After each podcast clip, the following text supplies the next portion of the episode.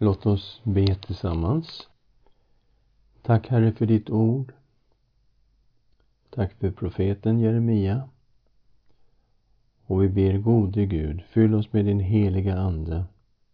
Öppna våra hjärtan och våra sinnen. I Jesu Kristi namn. Amen. Ja, vi ska nu gå in i den första riktigt stora huvudavdelningen. Och den har vi kallat för Guds domar över Juda. Från kapitel 2, vers 1 ända till kapitel 45, vers 5. Så det är ju huvuddelen av boken. Vi har också delat in den här stora delen i mindre delar. Och den första delen kallar vi för profetior om Juda 2, 1 till 25, 38. Och de första budskapen här, de passar ju väl in i kung Josias tid. Han som verkligen försökte utrota avguderiet i Juda. Delar av de här budskapen kommer direkt ifrån Herren. Andra delar har formen av predikan eller till och med resonemang i en viss situation. Och allt det här liksom vävt i vartannat. Och vi kommer att möta ett antal budskap. Och första budskapet har vi kallat för situationsbeskrivning, 2.1 till kapitel 3, vers 5. Och vi börjar med en tillbakablick på Israels historia, kapitel 2.1 till 9. Det här första budskapet inleddes med den karaktäristiska frasen som delar in de flesta budskapen i denna första del av boken. Nämligen Herrens ord kom till mig. Kapitel 2, vers 1. Och Herren beskrev i Israels historia med ökenvandringen på Mose tid och Israels relation med Herren började bra. Vi ska läsa de tre första verserna här i kapitel 2. Herrens ord kom till mig. Han sa Gå och predika för Jerusalem och säg Så säger Herren Jag minns din ungdoms hängivenhet hur du älskade mig under din brudtid och följde mig i öknen i landet där man inte sår. Israel var heligt för Herren den första frukten av hans skörd. Alla som äter av den drar på sig skuld. Olycka drabbar dem, säger Herren. Så det började väldigt bra kan man säga. Men eh, snart så började Israel överge Herren, vers 4 och 5. Hör Herrens ord, nya Jakobs hus ni alla släkter av Israels hus. Så här gäller inte bara judar utan här är tilltalet väldigt brett. Det gäller hela Israel. Så säger Herren. Vad fann era fäder för fel hos mig eftersom de gick bort ifrån mig och följde värdelösa avgudar och själva blev värdelösa. Och snart övergav Israel Herren för andra gudar. Och de falska profeterna, ja, de fanns både här och där och de profeterade i Bals namn. Kapitel 2, vers 8. Prästerna frågade inte, var är Herren? De som hade hand om lagen kände mig inte. Och herdarna var trolösa mot mig. Profeterna profeterade i Bals namn och följde dem som inte kan hjälpa. Och Herren ställer en fråga till Israel. Kan ni komma på något enda folk som har övergett sin Gud? Vi läser kapitel 2, vers 10 till 13. Dra bort till Keteernas kuster och se efter Skicka bud till Kedar och undersök. Se om något sådant har hänt där. Har ett folk någonsin bytt bort sina gudar? Och ändå är de inga gudar. Men mitt folk har bytt bort sin härlighet mot något som inte kan hjälpa dem. Häpna ni himlar över detta. Rys av stor förfäran, säger Herren. För mitt folk har begått en dubbel synd. De har övergett mig, källan med det levande vattnet och gjort sig usla brunnar som inte håller vatten. Så det var ju det som var den dubbla synden. Dels hade de övergett Herren, men de hade också skaffat sig avgudar, usla brunnar som inte håller vatten. Och de hade bytt bort sin härlighet, det betyder att Gud liknar sig själv vid Israels härlighet. Och resultatet skulle bli att folket återigen skulle bli förslavat. Ett folk som hade varit slavar i Egypten, befriats av Herren och nu stod de inför att återigen bli slavar. Vi kommer till kapitel 2, vers 14 och 15. Är Israel en träl? Är han född som slav? Varför har han blivit ett byte? Lejonen ryter mot honom. Man hör dem morra. De gör hans land till en ödemark. Hans städer bränns ner så att ingen kan bo i dem. Och vi läser också från vers 20 till 23. Redan för länge sedan bröt jag sönder ditt ok och slet av dina band. Ja, det var befrielsen ifrån Egypten, där de en gång hade varit slavar. Men du sa, jag vill inte tjäna dig.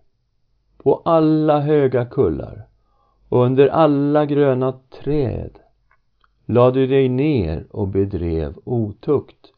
Och det här är ju den kult som fanns kring balstyrkan, kring dyrkan av asheran, att det var fruktbarhetsriter och det fanns tempeltärnor och det fanns tempelprostitution i samband med det här.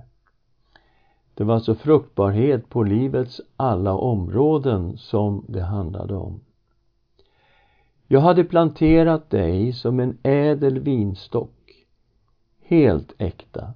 Hur kunde du då bli en oäkta, främmande vinstock för mig? Även om du tvättar dig med soda och tar mängd av såpa så är ändå din synds fläckar kvar inför mig, säger Herren Gud. Hur kan du säga? Jag har inte orenat mig. Jag har inte följt balerna. Tänk hur du bad dig åt i dalen. Kom ihåg vad du har gjort. Och det spelade ingen roll hur man tvättade sig, men synden kunde man inte komma åt. Man kunde tvätta det yttre, men inte sitt inre. Och huvudproblemet här var ju religiös synkretism. De fortsatte ju med att tillbe Jahve, men samtidigt dyrkade man främmande gudar från grannfolken och Herren avskydde detta. Folket sa, jag älskar främmande gudar och tänker följa dem, kapitel 2, vers 25. Och man kände ingen ånger och hade ingen lust att vända om från synden. Och det är ganska likt hur det är i Sverige idag med vår relativism inför synden. Och vi läser om avguderiet i 2, 26-28. Liksom tjuven står med skam när han ertappas, så ska Israels hus få skämmas med sina kungar och förstar, sina präster och profeter. Och det här är en tredelning som vi uppfattar gång på gång i Jeremia. Ibland kallas kungar och förstar för herdar Men alltså de här tre grupperna, det är herdar, präster och profeter som återkommer. Och det menas då kungar och förstar, präster och profeter. Och när det står profeter i det här sammanhanget, då är det alltid falska profeter. Det som säger till trästycket Du är min far och till stenen Du har fött mig. De vända ryggen mot mig och inte ansiktet. Men i olyckans tid ropar de Res dig, rädda oss! Var det då dina gudar som du gjorde åt dig? Låt dem resa sig. Kan de rädda dig i olyckans tid? För du, Juda, har lika många gudar som du har städer. Och folket levde i andligt äktenskapsbrott. Vi såg i Hoseas bok att Herrens förbundsrelation med Israel var som ett äktenskapsförbund.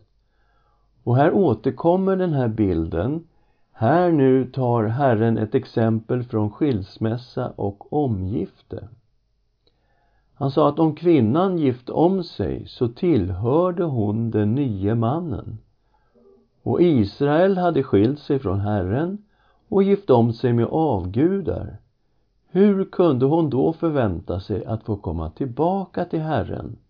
Vi läser kapitel 3, vers 1 till 5.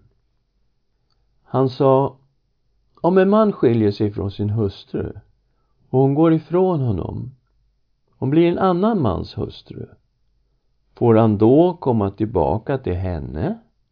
Skulle inte då landet bli orenat? Du har drivit otukt med många älskare och nu kommer du tillbaka till mig, säger Herren. Det vill säga Israel hade tillbett många avgudar och hade begått andligt äktenskapsbrott. Lyft blicken mot de kala höjderna och se. Var har du inte blivit skändad? Vid vägarna satt du och väntade på dem som en arab i öknen.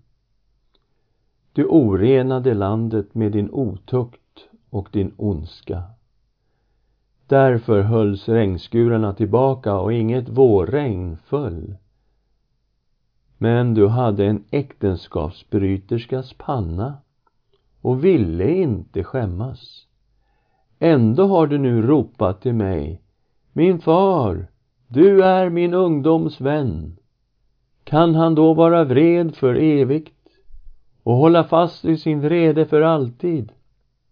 Så talade du och gjorde allt ont du kunde. Så det handlade om en synkretism från folkets sida. Man ville gå tillbaks till Jahve men samtidigt hålla på med allt detta avguderi och Herren accepterade ingenting av detta.